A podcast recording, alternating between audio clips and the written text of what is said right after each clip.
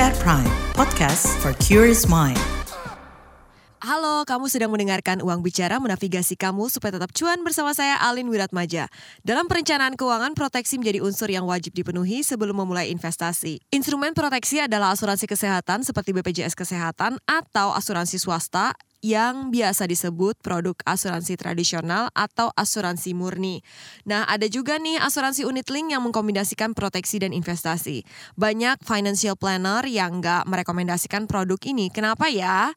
Gimana tips-tips aman kalau ingin beli unit link biar nggak asal beli terus berujung nyesel? Nah, kami sudah mengundang perencana keuangan dan juga penulis buku asuransi Freddy Pilor. Pak Freddy ini sudah puluhan tahun malang melintang di dunia asuransi. Langsung aja yuk kita bahas di Uang Bicara.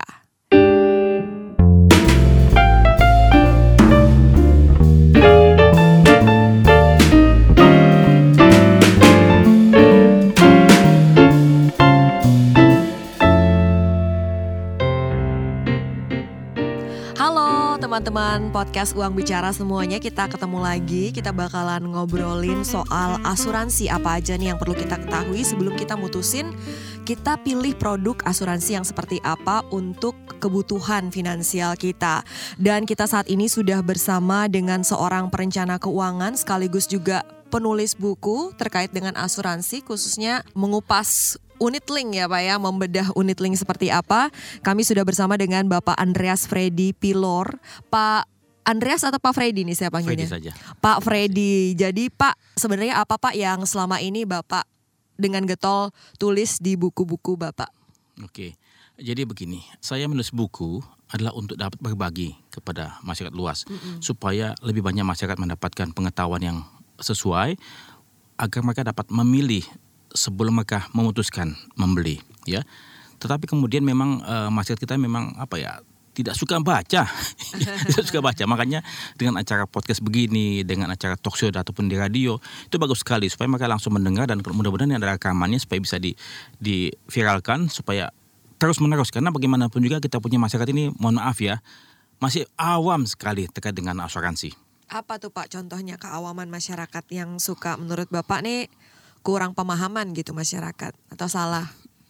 Jadi begini, kita punya tingkat penetrasi asuransi di Indonesia itu baru 1,5 persen ya terendah di ASEAN itu menurut bukunya Roadmap eh, Perasuransian Indonesia 2023 sampai 2027 yang baru diterbitkan November kemar- kemarin ya oleh OJK ya.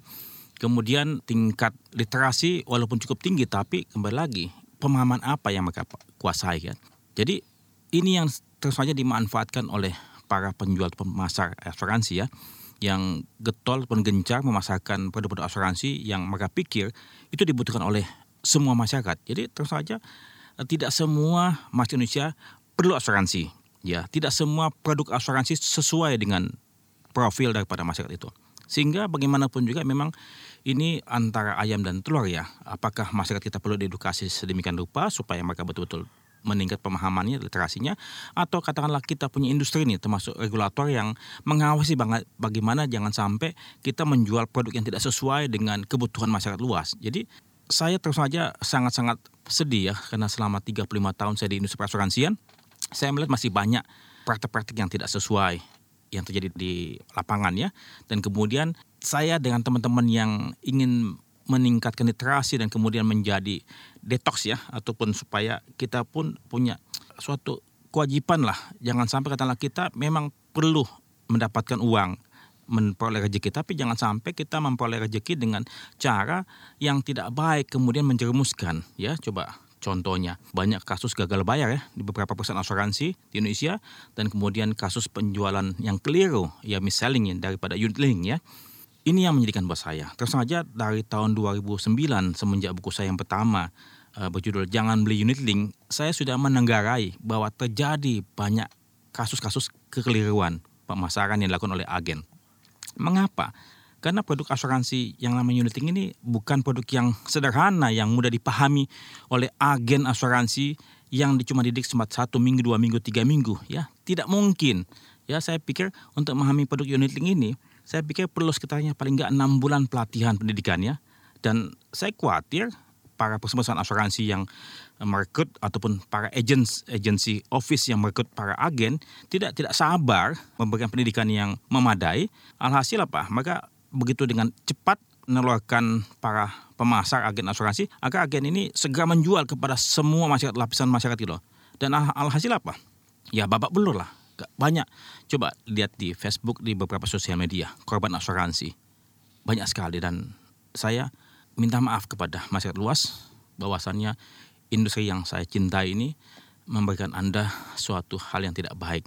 Tapi mari kita sama-sama yuk kita mengedukasi masyarakat supaya masyarakat Indonesia menjadi lebih teredukasi dan dapat memiliki program asuransi yang sesuai dengan profil dan kebutuhan mereka. Iya, jadi sebenarnya asuransi unit link ini kalau boleh dijelasin ke masyarakat nih apa Pak dan misalnya itu biasanya di mana? tadi saya sampaikan kepada teman-teman untuk memahami unit link itu suatu perlu waktu yang panjang ya. Saya bilang tadi mungkin satu semester dua semester ya. Uh, saya sendiri sudah menulis tiga buah buku mengenai unit link ini dan masih cukup banyak masyarakat luas yang nggak paham. Jadi begini, secara umum, secara secara lebih mudahnya, unit link adalah program asuransi yang racikan produk asuransi jiwa ya, yang dicampur di blender eh, dengan investasi ya asuransi jiwa ini, ya produk asuransi jiwa itu bisa saja asuransi jiwa kematian, bisa digabung dengan asuransi kesehatan, bisa digabung dengan critical illness, ya, bisa digabung dengan waiver yang lain. Itu asuransi asuransi produk asuransi. Sementara isinya yang investasi adalah reksadana, sebagian besar reksadana. Nah ini di mix dalam satu produk ya, kemudian masyarakat luas membayar suatu premi yang kemudian nanti premi tersebut dipecah jadi dua karena memang produknya dua kan. Mm-hmm. Yang untuk proteksi memang dikelola oleh perusahaan asuransi jiwa, sementara yang untuk investasi sebagian besar diserahkan kepada manajer investasi.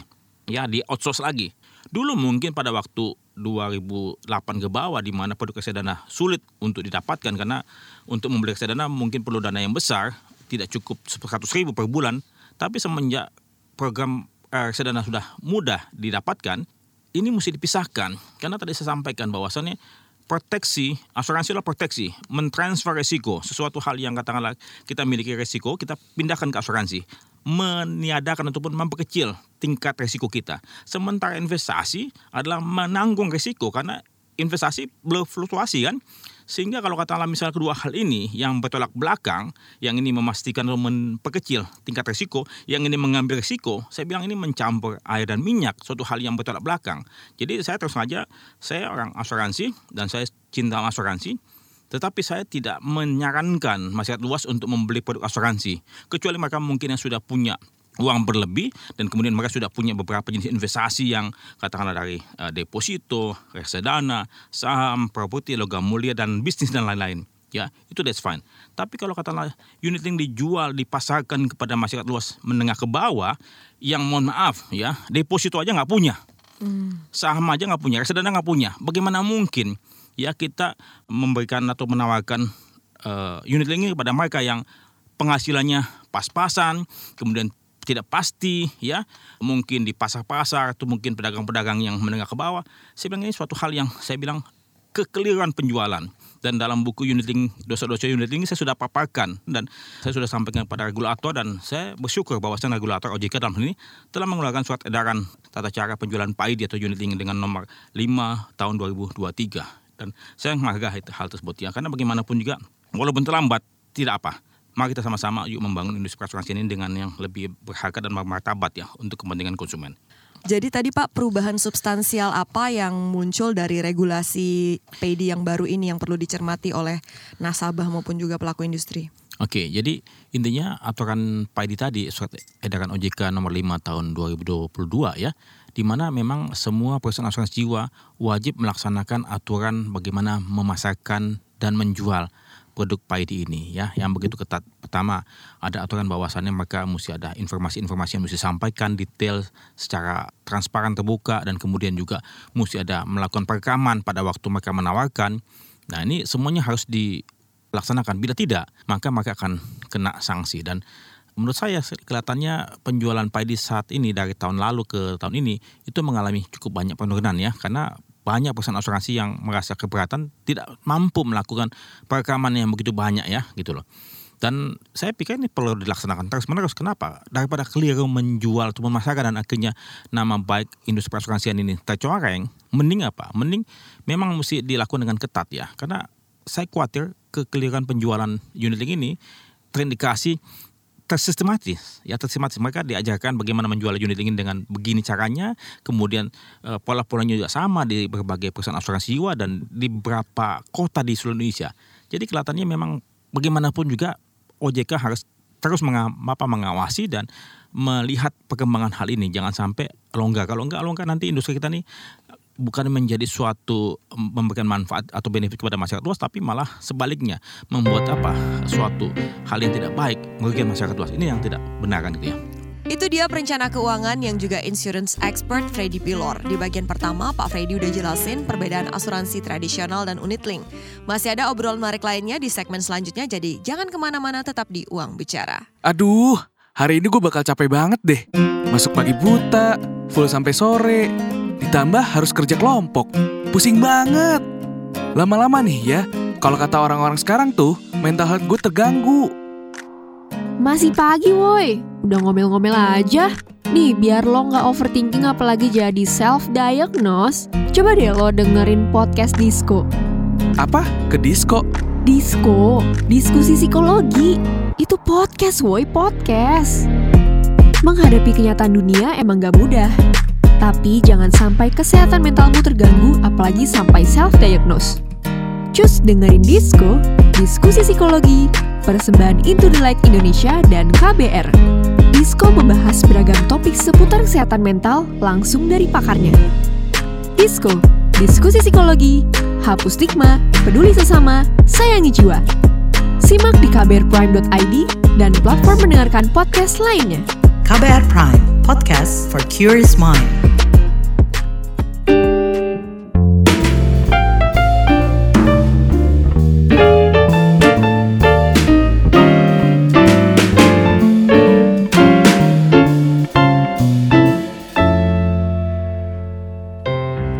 Kamu masih mendengarkan Uang Bicara menavigasi kamu supaya tetap cuan bersama saya Alin Wiratmaja.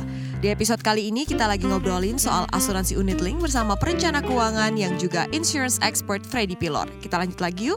Pak Freddy, salah satu alasan kenapa misalnya nasabah seperti itu memilih unit link karena informasi yang disampaikan adalah bahwa akan ada jaminan polisnya akan bisa diperpanjang dalam artian akan memberikan pertanggungan sampai dengan usia yang disepakati tanpa harus takut itu dikat di tengah jalan. Beda sama misalnya asuransi kesehatan murni yang misalnya nanti kalau misalnya kita abis ada klaim gede nanti preminya naik melonjak atau kita nggak dikasih perpanjang. Nah kita Oke. bahas itu dulu deh pak. Baik. apakah ini tuh sebenarnya asuransi kesehatan murni itu ada risiko seperti itu? Kenapa akhirnya jadi orang banyak memilih unit link banyak yang berkata bahwasannya penjual pemasar nih ya bahwasannya unit link itu dikunci ataupun dijamin Iya. akan diperpanjang terus sampai usia tertentu. Kemudian preminya tidak meningkat bila mana walaupun ada terjadi klaimnya tolong pahami bahwasannya asuransi itu yang menghitung premi yang dibebankan kepada nasabah berdasarkan apa? Klaim yang terjadi ya.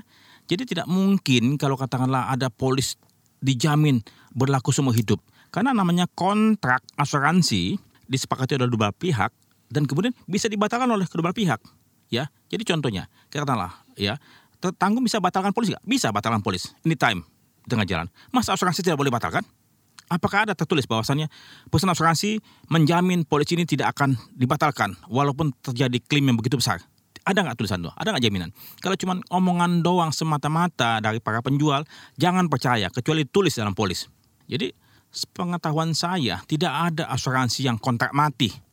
Bahkan, mohon maaf ya, pernikahan pun ya kan bisa dibatalkan oleh salah satu pihak kan. Mengapa polis asuransi yang begitu mudah tidak bisa dibatalkan? Jadi tidak ada jaminan. Tolong pastikan lagi minta supaya para pemasar agen tersebut menjelaskan dan nuliskan bahwasannya itu jaminan dari dia dan harus dikop surat perusahaan asuransi dan kemudian dituangkan dalam polis asuransi dibacakan kembali. Jadi jangan percaya mulut manis di depan karena saya punya konsep bahwasannya semestinya asuransi itu sulit masuk tapi gampang keluar. Konsep begini, maksudnya kita masuk asuransi sulit kenapa? Karena memang mesti di screening kan. Iya. Kayak katakanlah kita mau ambil kredit kan, ada 5C kan, mestinya juga asuransi mesti di screening eh, lebih luas dan kemudian pada waktu terjadi klaim mudah membayarnya gitu loh. Jangan gampang masuk tapi susah keluar. Gampang beli polis asuransinya tapi pada waktu terjadi klaim sulit untuk mendapatkannya. Nah ini yang saya pikir mestinya kita betul-betul sama-sama untuk membangun, mencerdaskan masyarakat luas. Lebih bagus masyarakat betul-betul teredukasi dengan baik, memahami dengan benar, benar baru mereka membeli. Jangan karena masyarakat luas awam, mohon maaf ya saya dengan pakai kata-kata agak sedikit bodoh ya karena mereka literasinya masih masih minim ya. Apalagi kalau tadi yang dipasarkan kepada masyarakat menengah ke bawah ya. Tentunya mereka punya tingkat pemahaman tentang asuransi masih sangat rendah. Nggak usah begitu. Waktu saya dengar pendapat di DPR tanggal 6 Desember tahun 21 di Komisi 11, ya ternyata banyak anggota DPR pun juga tanda petik ya tertipu dengan unit link. Salah beli. Karena itu yang dijelaskan oleh para pemasar pada agen kepada para anggota DPR tersebut bahwa ini cukup bayar 10 tahun.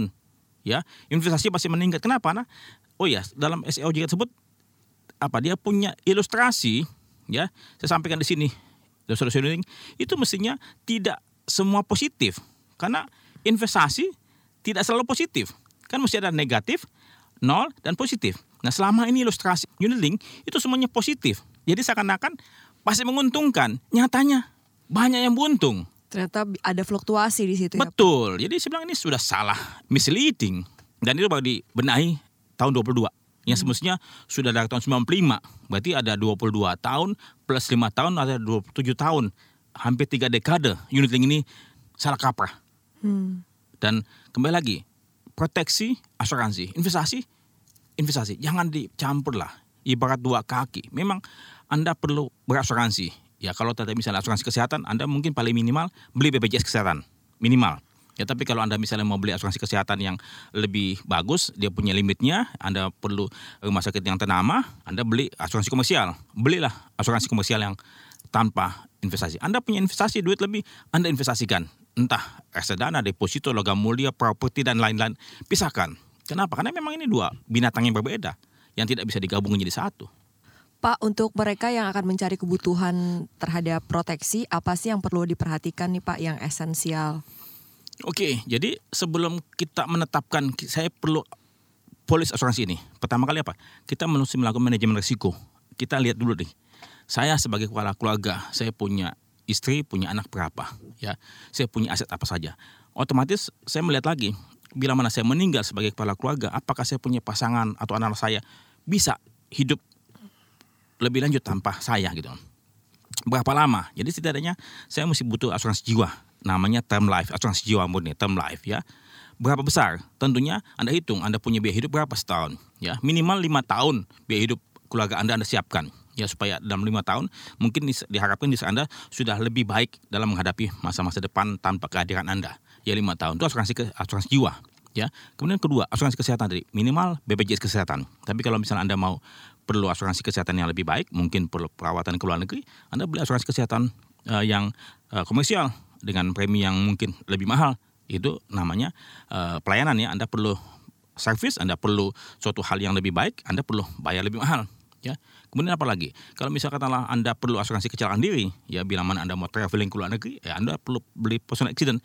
Tiga asuransi diri, ya, asuransi jiwa, asuransi kesehatan dan asuransi kecelakaan diri. Dan kemudian tentunya Anda punya properti, Anda punya rumah, punya mobil, punya kantor, punya pabrik, Anda mesti lindungi asuransi general tadi, asuransi umum. Jadi Anda mesti amati dulu apa saja risiko yang melekat pada diri Anda. Kemudian lihat apakah Anda punya kemampuan keuangan nggak untuk membayar atau membeli polis-polis tersebut. Ya, kalau misalnya Anda punya, silakan beli dan alokasi alokasi premi asuransi dari Anda punya penghasilan, ya itu menurut saya, eh, saya punya pengalaman ada alokasi. Alokasi ada 8 alokasi ya penghasilan Anda. Pertama Anda mesti charity. Ya, charity tersebut bisa dua setengah kalau yang muslim, mungkin yang Kristen 10% charity ya. Yang kedua liability. Anda punya hutang maksimum 30% daripada Anda punya penghasilan. Misalnya Anda hutang untuk KPR, Anda punya hutang KPM dan segala macam. Yang ketiga, Anda mesti beli proteksi asuransi BPJS kesehatan dan tadi beberapa jenis lain. Ya ini 10% uh, proteksi tadi yang ini dua setengah sampai 10% untuk charity, untuk liability maksimum 30%, kemudian Anda punya proteksi maksimum 10%. dari gaji bulanan atau penghasilan bulanan. Kemudian Anda beli investasi. Anda kalau kata tadi misalnya Anda punya liability mungkin bukan barang-barang produktif, Anda mesti beli investasi ya. Eh, 10% minimum setiap bulan Anda mesti sisihkan. Yang kelima adalah edukasi. Edukasi buat anak-anak Anda, Anda sekitar 15% maksimum. Yang keenam adalah Anda punya living cost untuk food and beverage and home ya, untuk kebutuhan rumah tangga. Itu maksimum 60. Yang ketujuh, Anda punya entertainment ya setiap bulan maksimum dua setengah persen. Kemudian yang ke-8 adalah untuk traveling Anda jangka panjang mau ke Labuan Bajo, mau ke mana, dua setengah persen Anda sisihkan ya tiap bulan. Jadi total maksimum semuanya adalah 100 persen, maksimum dari penghasilan Anda. Sehingga Anda punya kehidupan akan tertata dengan baik. Karena bagaimanapun juga Anda mesti rencanakan hari ini dan hari depan. Kalau tanpa itu, saya khawatir Anda punya hidup maret-maret. Itu yang saya harapkan. Baik, Pak Freddy. Kalau misalnya mereka yang terlanjur punya unit link nih, Pak, apa yang perlu mereka cek atau perhatiin? Apakah perlu mantau rutin hasil pengelolaan dari nilai investasinya atau nilai tunainya? Oke, bagi Anda yang sudah terlanjur beli unit link karena ditawarkan oleh keluarga terdekat, ya bersiap-siaplah Anda kecewa, ya. Terutama buat Anda yang belum sampai 10 tahun ya membeli unit link ya. Tapi kemudian apa yang harus Anda lakukan? Pertama, Anda mesti cek saldo Anda punya investasi. Berapa? Coba bandingkan berapa premi asuransi Anda bayarkan setiap bulannya dibagi dua, mana yang buat investasi, mana yang buat proteksi. Proteksi pasti habis hangus ya. Yang investasi berapa banyak investasi? Kumpulkan itu sampai dengan Anda pembayaran terakhir. Sama nggak dengan saldonya? Saya percaya saldo Anda mungkin tinggal setengah bahkan mungkin lebih kecil dari setengah daripada yang Anda bayarkan. Dan saran saya, mohon maaf dengan segala hormat ya, saya mohon maaf, sebaiknya sebelum misalnya Anda lima tahun, Anda ikhlaskan. Anda batalkan, Anda beli asuransi yang murni tanpa investasi. Itu yang saya sarankan sebelum lima tahun. Tapi kalau Anda sudah terlanjur lima tahun ke atas, ya, Anda coba lihat lagi, Anda punya saldo investasi, dan kemudian Anda tolong kurangi Anda punya bagian investasi. Cukup Anda perbesar untuk Anda punya proteksi. Tapi kalau kembali lagi, Anda sudah punya BPJS Kesehatan, kenapa Anda mesti beli tadi? Mendingan Anda beli asuransi kesehatan yang murni yang eh, betul-betul Anda bisa dapatkan dia punya fasilitas untuk kesehatannya gitu. Jadi kembali lagi, lima tahun ke bawah Anda cut loss. Tapi 5 sampai 10 tahun Anda hitung lagi ya. Kemudian kalau ternyata memang tidak menggembirakan, sebaiknya Anda ikhlaskan itu uang uang sekolahnya yang cukup mahal ya. Jadi bukan saudara Anda ataupun kerabat Anda yang bohong ya kepada Anda agen tersebut ya, tapi mungkin juga dia diajari demikian. Dia pun juga nggak paham karena agen-agen saat ini sebagian besar memilih profesi agen bukanlah profesi yang full timer ya, maka hanya untuk sambi dan kemudian bila mana tidak mencapai target ataupun itu maka akhirnya keluar lagi ya. Jadi sebaiknya dalam buku saya dalam itu saya sampaikan kalau agen-agen yang pemula minimum tiga tahun ya dia tidak boleh jualan unit link. Tiga tahun pertama tidak boleh jualan unit link. Kenapa? Karena agen tersebut mesti betul-betul terbukti bahwa memang ini pekerjaan dia yang dia lakukan dan dia fokus untuk profesional untuk bertanggung jawab terhadap itu. Sehingga mereka menjual produk-produk yang sederhana nah setelah nanti tiga tahun ke atas barulah diberikan pendidikan unit link barulah boleh dia jual unit link. Jadi ada dua level. Level pemula tidak boleh level tiga tahun ke atas silakan dididik dengan baik barulah mereka boleh menjual Baik, Pak boleh kasih closing statement Pak Freddy? Mm-mm. Jangan benci asuransi karena bagaimanapun juga asuransi adalah merupakan Anda punya kebutuhan ya. Tiada tidak ada orang yang tanpa resiko. Semua orang semenjak lahir bahkan pada waktu melahirkan pun juga sang bayi pun juga sudah punya resiko. Ibunya juga punya resiko, selama hidup punya resiko. Jadi tetap Anda mesti beli asuransi tapi kemudian Anda mesti pahami dulu bagaimana Anda punya profil risiko supaya Anda tidak salah membeli. Dan kemudian Anda coba cari konsultan asuransi agen yang betul-betul expert ya paling enggak tiga tahun ke atas. Atau misalnya Anda mau beli asuransi ya, coba hubungi Anda punya pialang asuransi ya. Atau Anda bisa tanya ke KBR ya. Anda hubungi KBR mungkin bisa tanya lebih jauh ya. Karena bagaimanapun juga Anda jangan sampai membeli asuransi yang keliru. Dan kemudian investasi Anda mesti berinvestasi. Karena begini kan masa depan itu kan ada yang bilang banyak tidak mampu menabung. Siapa yang bisa menabung tiap bulan? Pak saya nggak bisa menabung tiap bulan. Kenapa? Karena saya habis belanja ya baru menabung. Jadi konsep menabung itulah bukan disisakan. Jadi mereka belanja dulu baru ada sisanya baru nabung. Itu keliru. Jadi apa? Menabung itulah disisihkan. Jadi masa depan disisihkan terlebih dahulu, sisanya baru untuk konsumsi. Jadi kalau katakanlah misalnya menabung dari sisa, seakan-akan masa depan kita lah sisa-sisa hari ini. Itu konsepnya. Bagaimana kita men- menggapai masa depan yang cerah, yang indah, bila mana kalau katakanlah itu hanyalah sisa-sisa hari ini. Jadi tetaplah berasuransi dan berinvestasi, tapi harus dipisahkan. Itu konsep saya. Itu tadi perencana keuangan yang juga penulis buku asuransi Freddy Pilor. Semoga episode kali ini memberikan kita semua pencerahan soal produk asuransi yang bakal kita pilih. Jangan sampai kita beli barang tapi nggak ngerti fungsinya. Nah, kalau kalian punya kritik, saran, masukan, ide keren yang perlu banget kita bahas di Uang Bicara, jangan lupa ya kirim email ke podcast at kbrprime.id dengan subjeknya Uang Bicara. Saya Alin Wiratmaja pamit, jangan lupa dengerin terus Uang Bicara menavigasi kamu supaya tetap cuan setiap Kamis di KBR Prime, Spotify, Apple Podcast, dan platform mendengarkan podcast lainnya. Bye-bye!